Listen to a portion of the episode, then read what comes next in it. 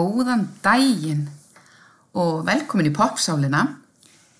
Eh, eins og þið mögulega heyrið þá er ég hérna heima hjá mér að taka upp en ekki í góða stúdíónu á bókasafninni Hafnafjörði.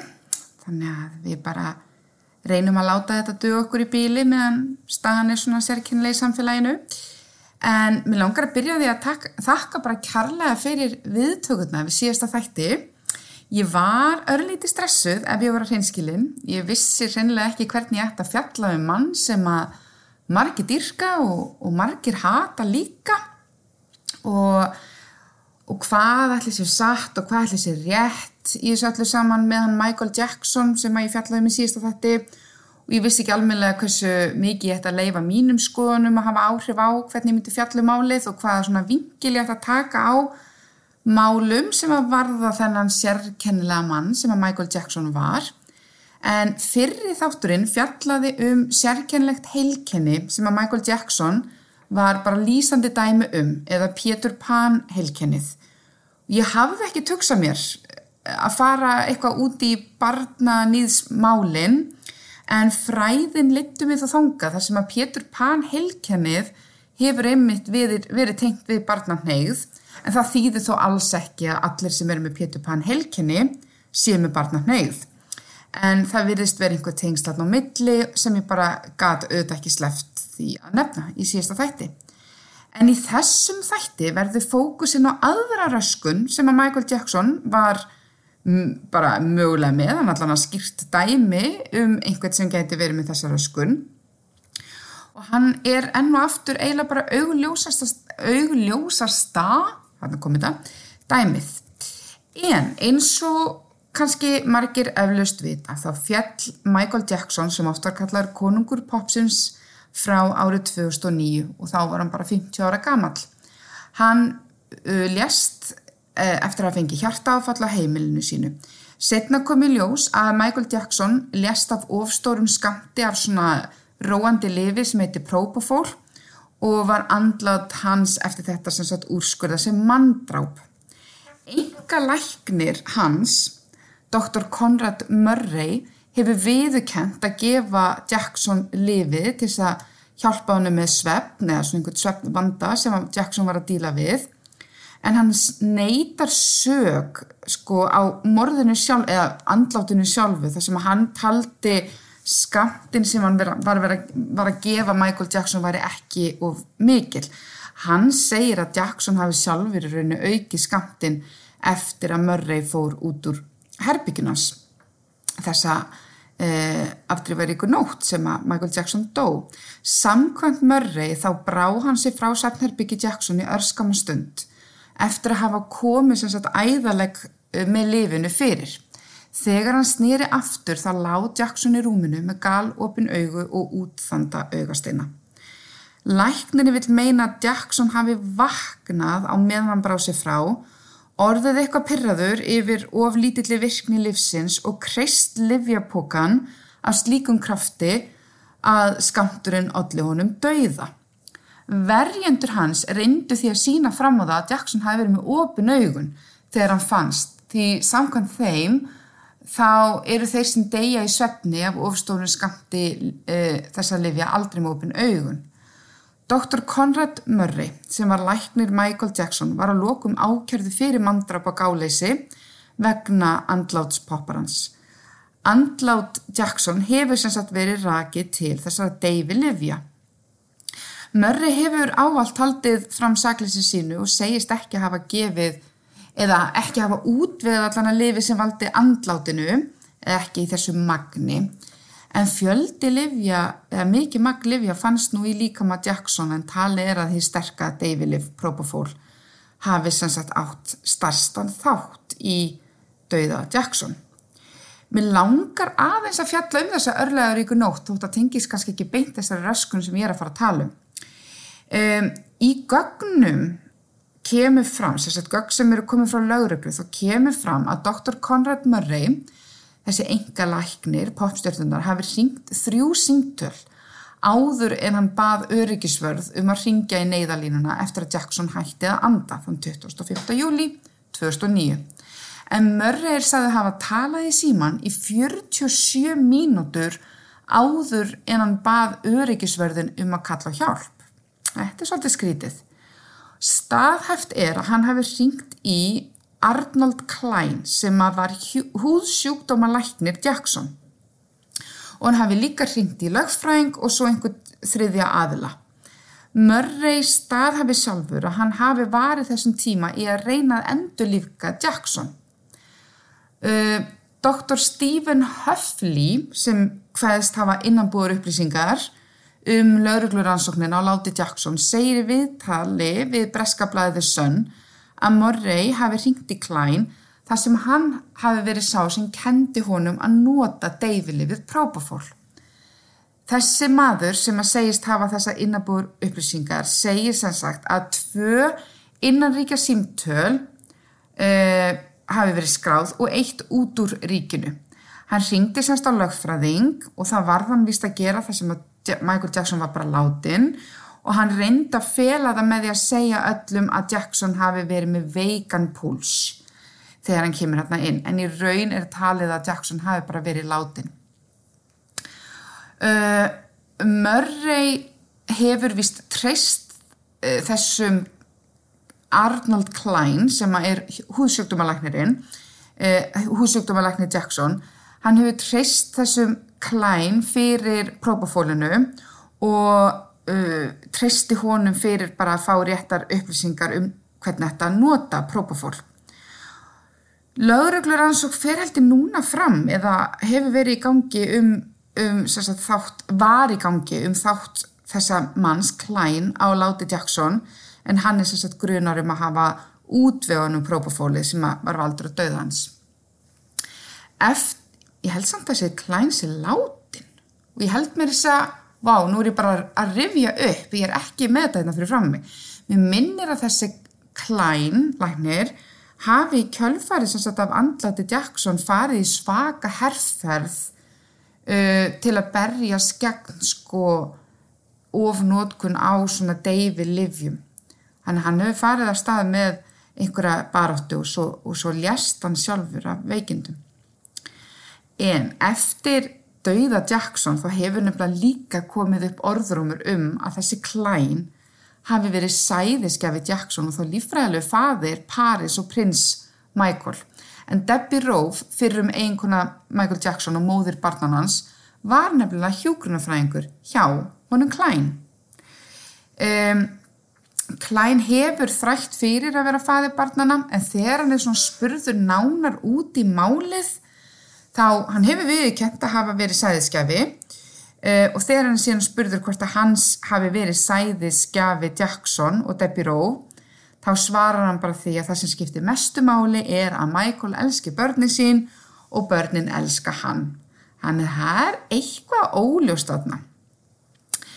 Eh, en eftir sagt, dauða Michael Jackson þá hefur Murray, engalæknirnas, viðurkent að hafa gefið honum ímistlif þetta kvöld. Fullt af verkelifum og, og deyfilifum en hann mun hins vegar ekki hafa gert bráðaliðum sem kom á staðin grein fyrir því hann hafi gefið honum lifin. Og Michael Jackson deyr því af ofstónum skamti af livjum, sérstaklega Propofol, Pro, Propofol og hefur andlátt hans þá verið úrskurða sem manndráp. Þann, uh, já, þetta var sem sagt þarna í ágúst 2009 þar sem að það var staðfest að hann hefði látist af völdum blöndu af svona róandi eða svona sljófgandi livjum og kvíðalivjum. Um, Murray var sem sagt ákjærður fyrir manndráp og satt inni í tvö ár af þeim fjórum sem hann fjekk en hann losnaði fyrir vegna góðrar hegðunar. Það sem er líka svolítið aðtiklisverst við þetta mál er að dægin fyrir andlátið þá átti Michael Jackson vist ágetist dag. Hann var á fullu að æfa fyrir tónleikaferðina stóru sem átti að vera eh, hefðast þarna í London og hann átti þó að hafa sakstur með barkabúlgu en sjónavottar segja að hann hafi verið bara alveg á fulla á þessari æfingu rétt fyrir andlátið þannig að þetta er svolítið skrítið. En aftur á móti þá eru til upptökurs úr símtali sem sagt Jackson við læknin sinn þar sem að uh, glögt má heyra að maðurinn var nú ekki alveg í eðlilegu standi og ég ætla bara aðeins að leif ykkur að heyra hvernig Michael Jackson hljómaði rétt fyrir andlátið. When people leave the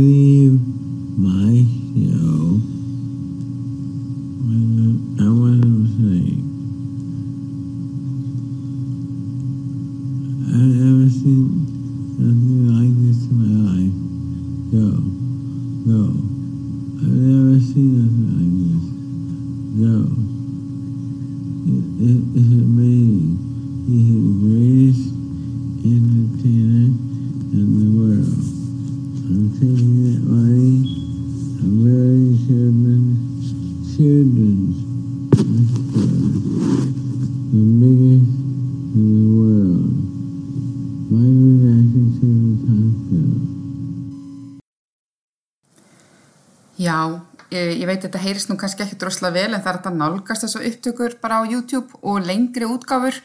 En hann er sem sagt að ringja þarna í, já, lækni sinn held ég. Og þetta er þarna í mæ og hann deyr í júni og þarna er hann að tala um það að hann vilji að fólk verði svo uppnumið þegar það fer á tónleikanans að, að það muni tala um þetta sem bestu tónleika sem hafa nokkuð tíman verið e, bara gerðir og hann vilja að fólk flikkist á tónleikana en þe e, sko, þetta, símtal eða þetta, þessi e, hérna, upptaka af símtali var spiluð í dómsalunum til þess að sína fram á það að Dr. Murray hafi alveg átt að séð á og vitað hvert, uh, hvert svona þetta var að hvert, hver staðan væri, að staðan væri þetta slæm. Já, já, en ok, þessi þáttur átti nú ekki að vera um dauða Jackson eða livja nótkun hans, það er eflust bara efni í enn annan þátt. Mér langar að færa fókusin yfir á annað sem hann var líka alveg greiðlega ábyrrandi í hans fari eða útlitið, eða var ekki bara hvað mest ábyrrandi í hans fari. En Jackson er þekktur, ef ekki bara þekktastur, af frægaliðinu fyrir að breyta um útlitt. Þannig að það er í raunin ekki hægt að sleppunum í umræðu um geðröskun sem nefnist líkams skinnjunaröskun eða svona útlitsröskun eða á ennsku body dysmorphic disorder. Líkams skinnjunaröskun er svona kvíðatengd röskun sem að einkennist af svona mikill þráhyggju um einhvern ímyndaðan galla við eigið útlitt eða eitthvað svona ofmat á einhverjum smávægilum göllum eða ef þú ert með eitthvað sem að innan gæslappa getum kalla galla að þá ertu með einhvern ofurfókus á þennan galla. Þeir sem að þjásta þessari röskun eigið oft mörgum tímum á dag í að huga útliti sínu Þeir, hefa, þeir hafa áhyggjur af útlitsköllunum og bera sér sí endurteki saman við aðra og þetta er bara virkilega trublandi, þetta er ekkert að sama og, og kíkja hans í speil til þess að greiða sér hárið eða laga varalitin sko, þetta er virkilega trublandi röskun, hún er svona þráhyggju tengd eins og árætt og þráhyggja eða OCD og virðast útlitsskallarnir sem eru algengastir til tengjast hári eða andliti einstaklinga en það er þó ekkert algilt. Þessi röskun, líkamskinnuna röskun, hún kemur yfirleitt fram á úlingsárum og kynja hlutfalli er þar nokkuð jæmt. Þetta er svolítið áhugavert að því við erum með aðrar útlitstengdar geðraskanir þar sem að kynja hlutfalli er ekki jæmt eins og anorexia og búlimia. En þarna er kynja hlutfalli nokkuð jæmt og tíðni röskunarinnar hjá bara almenningi er í kringum 2%, það er samt erfitt að sláði föstu þar sem að þetta er á vít og, og margir kannski með áhyggjur og segja ekki frá því þannig að erfitt að greina þetta. En það sem er svolítið áhugavert er að e, algengi eða tíðni þessar röskunar er töluvert herra í þeim hópi sem að fara til húð og lítalækna við það, eins að koma inn á það á eftir. Þessi röskun, líkamskinnuna röskun, hún hefur oft alvarlegar afleggingar í för með sér eins og bara skert lífsgæði, þunglindi, kvíða, mikla vannvirkni, þú kannski hættir að taka þátt í félagslegum störfum og aðtöfnum og í verstu tilvikum þá sjálfsvíkshættu. Lítið er vitað um orsakir og svona hvaða þættir það eru sem að spá fyrir um framvindu líkamsskinnunaröskunar en þegar skoðað er hvaða aðferðir virka þá sínar ansóknir það að hugræn atverðlismeðferð eins og hjá sálfræðingi skilar ágætis árangri sem og svona uh, livja meðferð sem er oft nótu við þunglindi, svona serotonin livja meðferð. En fægruna aðgerðir, líta aðgerðir skila litlu sem engum uh, árangri og geta jafnvel verið skadlegar fyrir þessa einstaklinga. En eins og ég sagði það er erfitt að segja hvað veldur þessari röskun en það er talið að hún tengist þarna slæmu sjálfsáliti og geti jafnvel verið tilkomin vegna einhvers konar útlitsstríðni eða einelti á, á barnsaldri í tengslu við útlitt. Þeir sem eru með líkamskinjunaröskun hafa til dæmis áhyggjur á húðinni eins og hrukkum og bólum og örum eða hári til dæmis að, að líkamshár líti ekki rétt út innan gæslappa. Nefið er mjög algengt að lögun þess og starð sé ekki rétt en áhyggjur geta þó beinst að hvaða líkamsluta sem er eins og bara maganum eða kinnfærum eða jafnvel tám. Sjúklingar eða einstaklingar geta orðið uh, uppteknir af mismunandi líkamslutum á ólíkum tímabilum og þeir geta haft áhyggjur á mörgum innan gæslappa göllum á sama tíma. Og rannsóknir benda til þess að um, meðal einstaklinga með líkamskinjunaröskun er algengast að vera upptökin af cirka 5, 6, 7 líkamspörtum yfir æfina. Þessar þráhyggjur eða þessum þráhyggjum uh, fylgja næstum alltaf svona áráttu kent hegðun þar sem þú ert að reyna að draga úr vannlíðan sem að, og svona kvíða sem fylgir þessum útlits áhyggjum. Og þessi hegðun sem þú færð að sína eh, getur verið ansi tímafreg og um helmingur einstaklinga með röskunna þeir tala um að þeir eru að verja cirka þremur, eh, þremum tímum eða meira á dag í þessa hegðun og finnst þeir eiga í vanda með að stjórna hegðun, þeir finnst þeir þurfa að gera þetta eins og að vera að endur tekja að kíkja í speil eða snirta sig óhóflega mikið eða alltaf að laga hárið eða reyna að fela eitthvað. Þú veist að reyna að fela kannski andlitið með húfum og solgleirugum og einhverju klæðnaði. Og, og þetta verður svona áráttu kent hegðun þannig að kemur þessi tilfinning um að þú hafir ekki stjórn á þessu. Þetta kallast öryggishegðun af því að uh, öryggishegðun er ætlað að hindra það að eitthvað slæmt gerist. Hún er til dæmis ætluð til að verja þig, passa að uh, þú komir þér ekki einhver vandraði eða verður skömmustilega eða fólk er í grína þér. Þannig þú ert reyna að fela þig eða alltaf að passa upp á það að útlitið sé í lægi svo fólk geti ekki kommentað á það eða gert grín. Og fólk með þessa röskun það upplifir oft mikinn óta við höfnun og forðast því oft bara félagslegar aðstæður sem getur síðan leitt til mikillar einangrunnar, svona félagslegar einangrunnar. Og já, og í sömum tilvikum að það náttúrulega minkar tímabundið þessi kvíði og þessi áhyggjur yfir útlutinu þegar þú ert að hegða þeirra á hvað máta. Þannig að ég er alltaf að, að fela nefið mitt þegar ég fer út í búð, þá náttúrulega minkar kvíðið minn yfir nefinu mínu tímabundið sem gerir það verkum að þessi hegðun festist í sessi, að því ég róast tímabundi við það að fela nefið mitt. En á sama tíma þá er ég að viðhaldast vandanum til lengri tíma litið. Ég læri ekki að nefið mitt er mögulega ok, ég læri ekki að fólk er ekki að spá í nefinu mínu, fólk mun ekki bregðast eins harkalega við og ég held að því er alltaf að fela það. Hann er að róa mig tímabundið en við heldur vandanum sem að ég er komið með. Algengt er að einstaklingar sem eru með líkamskinnuna röskun sem svona megin vanda greinist einni með aðra geðraskanir.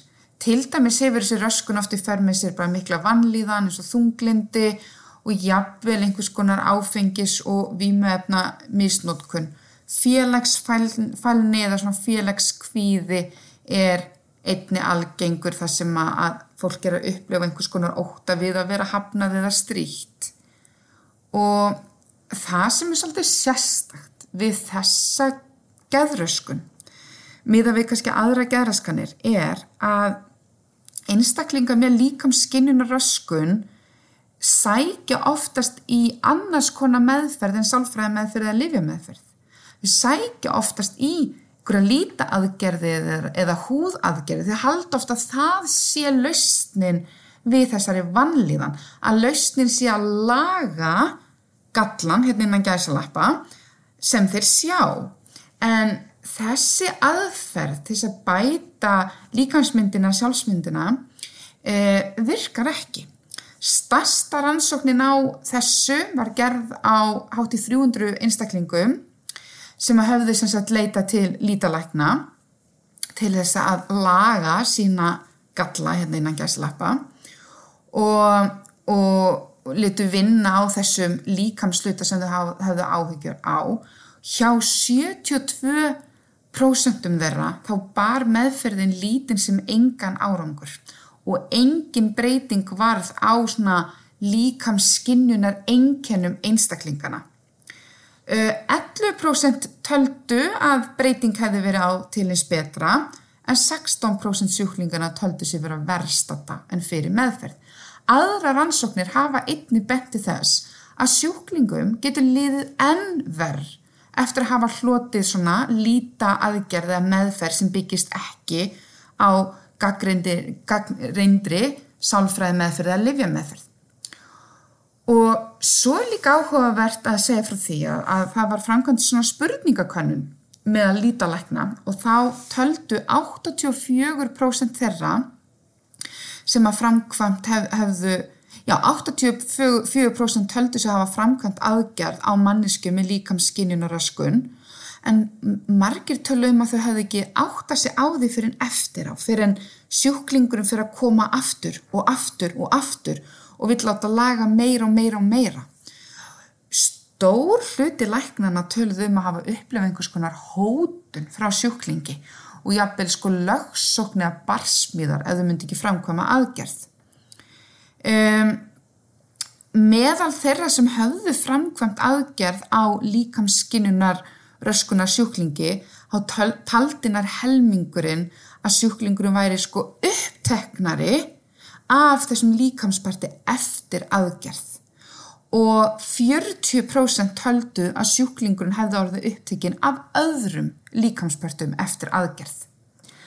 Þannig að ef við höfum þetta í huga þá sér maður náttúrulega hvaða er gríðarlega mikilvægt að læknar og annað heilbrið starfsfólk sem kemur að svona útlitslækningum að þá er náttúrulega bara gríðarlega mikilvægt að þessi skemað fyrir líkamskinnjuna röskun og að fólk sé bara frekar beint til sálfræðings eða gæðleikni sem að þekkir til röskunarinnar.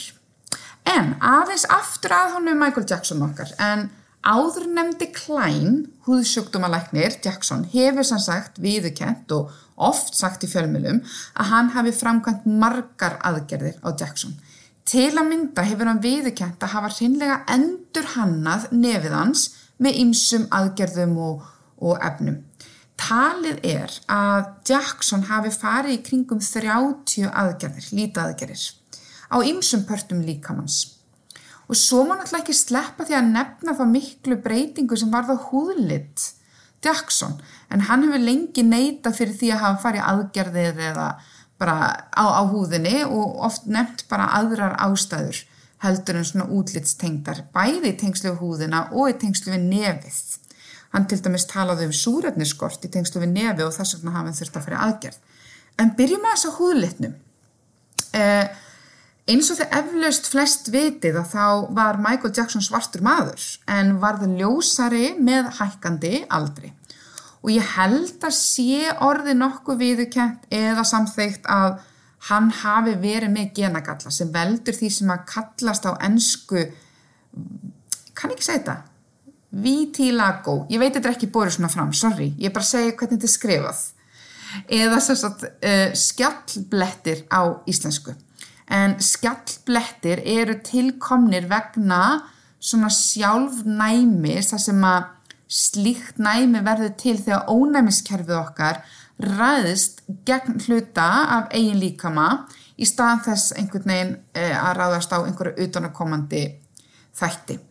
Uh, í skjallblettum þá ræðist sem sagt ónæmiskerfið á sortufrumur sem framleiða litarefni húðarinnar og afleggingarna verða þær að lita framleyslan hættir á því svæði þar sem að sjálfnæmið myndast og litlust svæði fer þá að myndast. Svæðið getur verið allt frá litlum afmörkuðum blettum í það að bara reynlega að allur litur líkamanns hverfi. Ferlið hefst samt oftast með svona blettum hér og þar um líkamann en getur semst í sömu tilvikum dreifst út um allt. Einstaklingum með svona skjallbletti þarf að vernda húðina einstaklega vel gegn sólinni og þarf til dæmis að hilja húðina vel. Svipað og við höfum séð Michael Jackson gera í gegnum tíðina. Hann hefur verið að fela andliti sitt, ganga með solglerugu, klúta og svo framvegs þess að fela húðina og ég verða viðkynna, ég tengdi það svo oft við líkamskinnunaröskun að ég hugsa ekki út í það að hann er að fela húðina fyrir sólinni. Um, en áhugaverð kenning til dæmis um tilurð kvíta hanskans sem hann er nú þekktur fyrir. En þessi kvítun á húðinni hjá honum Jackson byrjaði vist að myndast stuttu eftir hann gaf út thrillerplötuna en á þeim tíma byrjaði hann með þetta ganga með þannan kvíta hanska sem varð að enginni hans og þá er talað um að þessi húðkvítun hafi byrjað á höndunum. Ég man eftir þessari umræðu þegar ég var yngri um það að hann hafi átt að hafa líst húðina sína og hafi vilja að vera kvítur maður og, og hafi farið í einhverja aðgerði hjá þessum húðsjúkdómalækni til að lýsa húðina sína. En hann sjálfur og aðrir í kringum hann hafa áallt frækt fyrir þetta. Þessi húðsjúkdómur er til dæmis bara í ættin hans og það byrjaði vist þegar hann var úlingur. Og í gegnum árin þá á hann vist að hafa notað bara þygt lag af meiki til þess að hilja uh, þennan mislit á húðinni sinni. Þannig ég held að margt sem við höfum hingað til kannski tengt við líkamskinnina röskun, til dæmis þessi breyting á húðlit hans og hvernig var alltaf fela andliti sitt og allt þetta meir hreinlega bara rekja til þess að hann sé með þennan húð sjúkdóm. Þannig að ég er bara nokkuð vissum að maðurinn sé nú bara með það. Um, og sumi vilja með þess að meina að eitt af börnum hann sé innmitt byrja að sína merki um skjallbletti líka. En hvað með aðra parta líkamanns? Nefið hefur verið hansi ábyrrandi í umræðunum lítaðagerðir. Hann ávist að hafa dottið á æfingu í kringum tvítugt og broti nefið. Í kjölfari þurft hann að leggjast undir nývinn til að láta laga nefið og eftir þá aðgerð þá átt hann vist erfitt með að anda með nefin og þurfti þess vegna að fara í fleiri og fleiri aðgerðir. Hann hefur alveg sjálfur viðkent að hafa farið í eina eða tvær aðgerðir og einni alveg viðkent að hann sé fastagestur hjá þessum húðsjúkdómalækni sem heiti Klein sem hefur þá gert ímsar aðgerðir á honum og þá aðalega einhverju svona, þau veitir svona facelift og einhverju svona spröytur.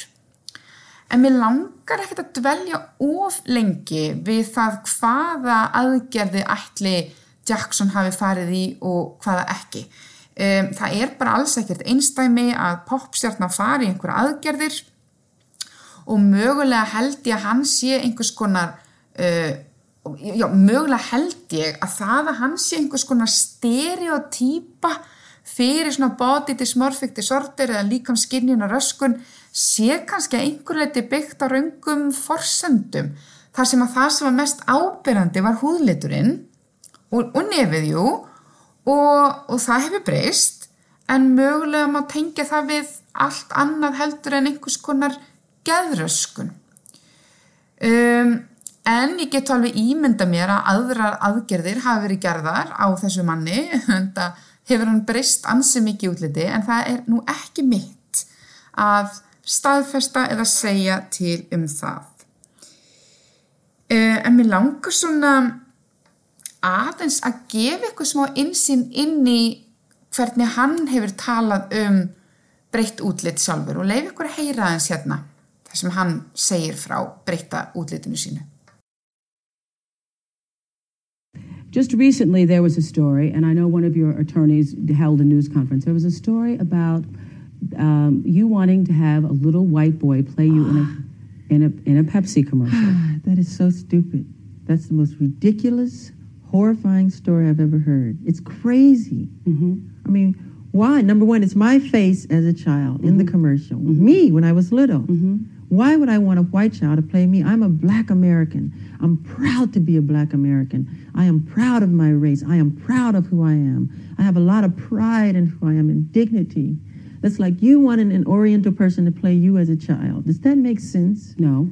So please, people, stop believing these Okay, Michael. then- horrifying then, let's go to the thing that is most discussed about you. I think is the fact that the color of your skin is obviously different than it was when you were younger. Yes. And so I think uh, it has caused a great deal of speculation and controversy as to what you have done or are doing. Are you bleaching your skin? And have are is your skin lighter because you don't like being black? Okay, number one, there, as I know of, there is no such thing as skin bleaching. I have never seen it. I don't know what it is. Well, they used to have those products growing up. I used to hear always use bleach and glow, but you'd have to have about 300,000 Right. gallons to. Okay, number to- one, this is the situation. I have a skin disorder that destroys the pigmentation of the skin. It's something that I cannot help.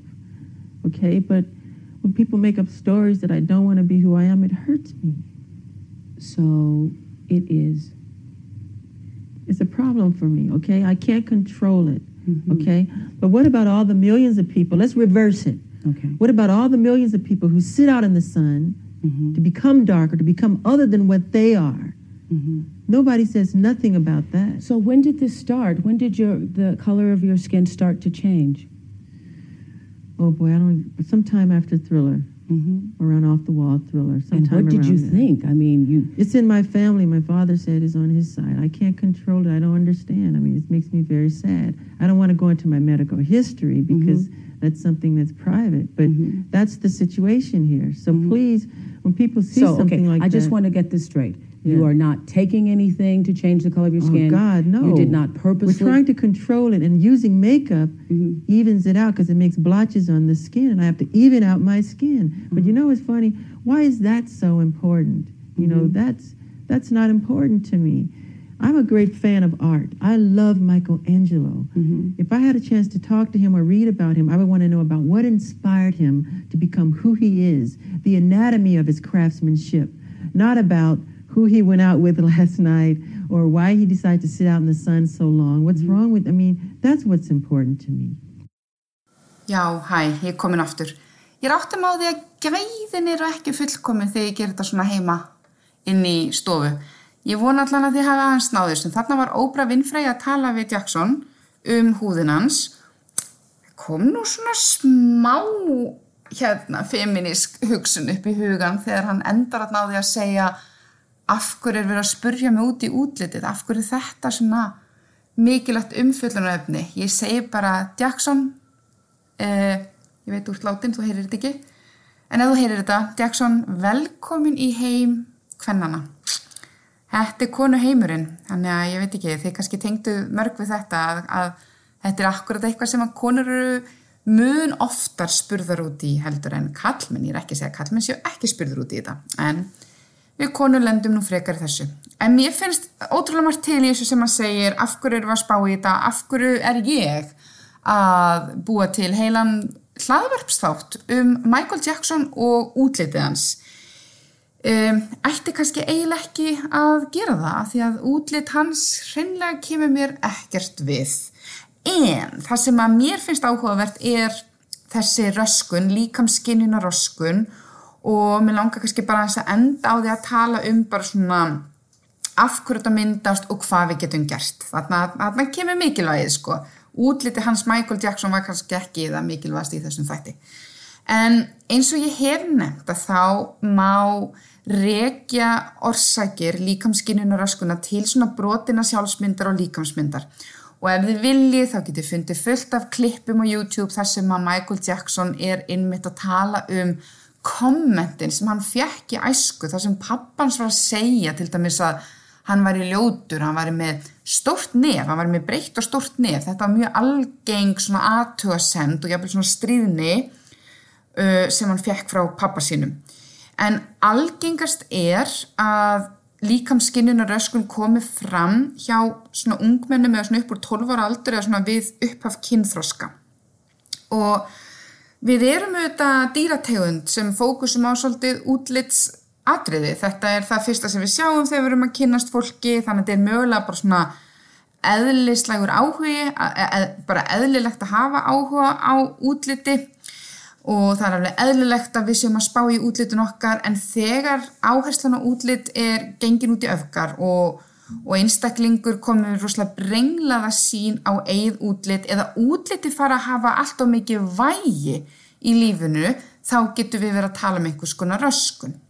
Og þessi röskun kemur yfirleitt fram um það leiti sem að sjálfsmynd ungmenna tekur miklum breytingum og þau fara svona að aðgreina sig frá öðrum og bera sig sama við aðra og, og þau fá ótrúlega sterk skilabóð frá samfélaginu um að útliti skipti máli.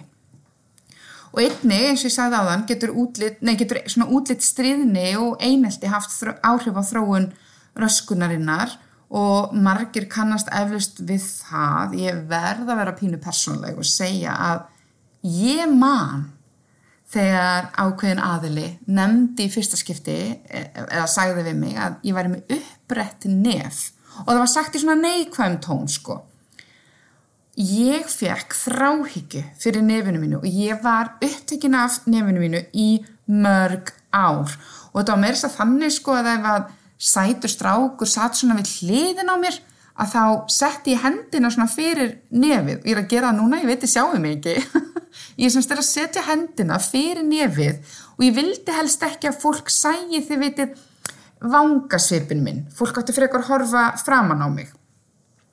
En fyrir þannan tíma áður en þessi strákur nefndi við mig með upprætt nef þá hafði ég ekki hugmyndum að nefið mitt væri bara einhvern veginn, ég, ég hafði aldrei spáð í það. Eftir þetta þá sé ég það ekki öðri sig hann er að og þetta var ekki eins og einhver alvarleg stríðni, þetta var bara aðtöðsönd og möguleg ekkert meint í yllu en ég get þá rétt ímynda mér yktari útgáfa þessu, þessu svona yktari útgáfa af útlitt stríðni hvaða getur haft mikil áhrif á bara þróun sjálfsmyndarinnar og, og líkamsmyndarinnar en einni er svona fullkomnuna árutta og keppniskap og látt sjálfsmat og árutta þráhyggja tengtu þetta hraðsla við höfnun og, og kvíð og þunglindi.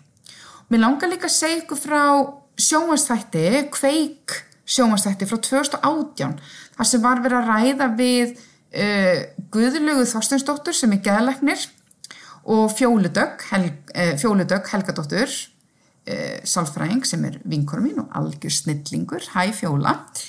Þar var að vera að ræða við þær um svona líkamskinnun og röskun þá sérstaklega vöðvadýrkun sem er svona einn útgafa af líkamskinnun og þær töluðu um ákveði svona úrraðleysi á Íslandi að það vantaði einhverja sérhæfingu í meðferð við þessu en Fjóladögg hún sérstaklega sérhæfi sig í líkamskinnun og röskun á samt öðru og hún talaði um það að þegar vandin orðin alvarlegur þá er bara gríðarlega mikilvægt að fá meðferð hjá einhverju sem skilur þetta vandamál.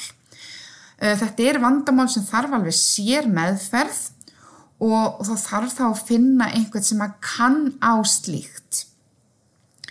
Um, þegar Fjóla var spurðið sem þætti hvort hún teldi að þetta vandamál væri vangreint þá taldi hún svo vera Hún segir að, að það séu til tölur sem sína að þetta sé vangreint vegna þess að þegar þú spyrð fólk beint af einhverju svona útlitstengdu, einhverju svona röskun eða vanlíðan sem er útlitstengt, það á fólk það síður til að vilja segja frá, það er einhvern veginn skammar sín jafnvel fyrir þetta.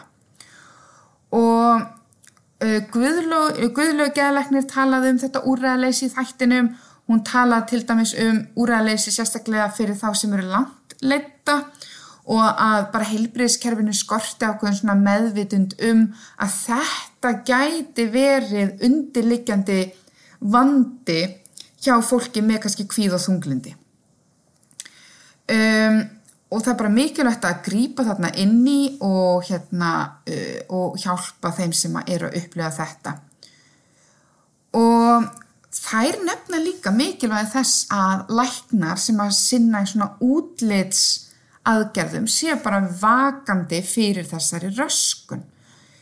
Hugran atferðlismeðferð er svo meðferð sem er talin vera árengusríkust við þessum engjannum Um, þá beinist meðferðin að hegðuninni sem að viðheldur röskuninni og hugsununum sem að viðheldur þessu líka og viðheldur þessari slæmri líkams ímynd og skjólstæðingum eru kendar nýjar leiðir til að meta útlitstengdar hugsanir og, og draga úr svona þessari áráttu hegðun, þessari öryggis hegðun sem ég talaði um áðan. Og uh, rannsóknir á meðferðum sína að uh, fólk sem fær hugurana atferðis meðferð með við fólk sem er kannski einhvers konar fræðsluhópi uh, sína meiri árangur uh, með við sagt, samanbyrðahópin þannig að flesta rannsóknir benda til þess að huguran atferðis meðferð síni bara alveg ágætis árangur þegar kemur að líkamskinjuna röskun Einni hafa rannsóknir á livjum syngt árangur þá sérstaklega þessum þunglindis livjum sem ég tala um, um áðan. Þannig það virðist vera sem svo kallu serotonin liv í bland við hugranna atverðlismeðferð eða hammeðferð geti verið gríðarlega gaglegt þegar kemur að því að vinna gegn þessari röskun. Þannig að eins og ég nefndi fyrir í þættunum þá því miður sækja margir með þessa röskun í aðrar lausnir heldur en sálfræði meðferð og livja meðferð. Sækja frekar í fegruna aðgerðir en rannsóknu sína ymmit að þær eru ekki gaglegar og geta jafnvel verið skadlegar til lengri tíma litið þegar það er verið að ræða um fólk með svona útlindsraskanir. Þannig að ef þú telur þig vera að glíma við röskuna þessu tægi þá bara hvetja þig eindrið til að leita þér hjálpar. Uh, hægt er að byrja náttúrulega bara á líkamsmyndar, uh, uh, skilabóðum, leita að góðum fyrirmyndum sem að stuðlaði ákværi líkamsýmynd og líkt og ég nefndi hér á þann þá sínir sálfræð meðferð ágætis árangur og það er betra að hefja hana fyrr en setna. Þannig það er að byrja því að heyra til dæmis bara í sálfræðingnum eða heimilistaknum á þinni, þinni heilsugjastlu stöð. Einni getur verið gott að finna sálfræðing sem sérhæfi sig einmitt í þessu. Ég hef heyrt að því að sálfræðingar á kvíða meðfyrir stöð eða kms.is heima síðan þeirra hefur verið að sérhæfi sig í þessu og svo hefur hún fjóladögg Helgadóttir sem er sálfræðingur líka sérhæft síð þessu. Og það er best að hafa samband við hana bara í gegnum netið, hún er starfandi út í Kanada en hefur verið að bjóða upp á svona netráðgjöð þannig að hún net meðferð þannig að endilega tjekkið á henni, líka, henni líka. En já, þetta var svona helsta sem ég langaði að nefna í dag og eins og ég sagði í upphafið eða í fyrir þættunum að þá var Michael Jackson umfjöllunæfni sem að kaffibotla kaupandi, eða kaupendur, óskuð eftir og ég bara þakka kærlega fyrir þetta. Þetta var gríðarlega áhugavert að, að hérna fræðast aðeins um hann. Ég hefði gett að tekið svo margt annað fyrir en ég ákvaða að fókusa á líkamskinnunaröskun og Pétur Pan heilkenni sem ég talaði um í fyrri þættinum og núna bara er ég með lista af uh, umfjöllunöfni sem að þið hafið óskað eftir og, og ég bara hlakka til að fara í gegnum þennan lista. Þannig að ég er með, ég get svo svara, ég held ég sé með hugmyndir á hundra þáttum. Uh, auðvitað veldur að svolítið á hversu mikið efni ég finn í, í minni rannsóknar vinnu hvað ég tek fyrir. Og hérna og margir er náttúrulega kannski óskæfti sama efninu en ég hlakka til að, að skoða og fræðast fyrir næsta þátt Þannig já, ekki gleyma kaffibóllunum. Þeir hafa sko komið á góðu nótum. Bara tek dæmi. Uh, þegar ég tók upp þáttunum jáðar persónleika röskur með henni Írisi Hólm söngkonu þá í rauninni eiðlaðist þátturinn okkar en ég bjarga hana með því að kaupa ákveðið forrið í tölvuna sem svona bjargaði upptökunum það, það forrið var ekki ókepis get ég sagt ykkur þannig að þá kom kaffibotla styrkurinn að góðum góðum nótum þannig ég hlakka til að gera fleiri þætti endilega látið mig vita hvað þið viljið heyra um og já, þannig að bara takk fyrir í dag.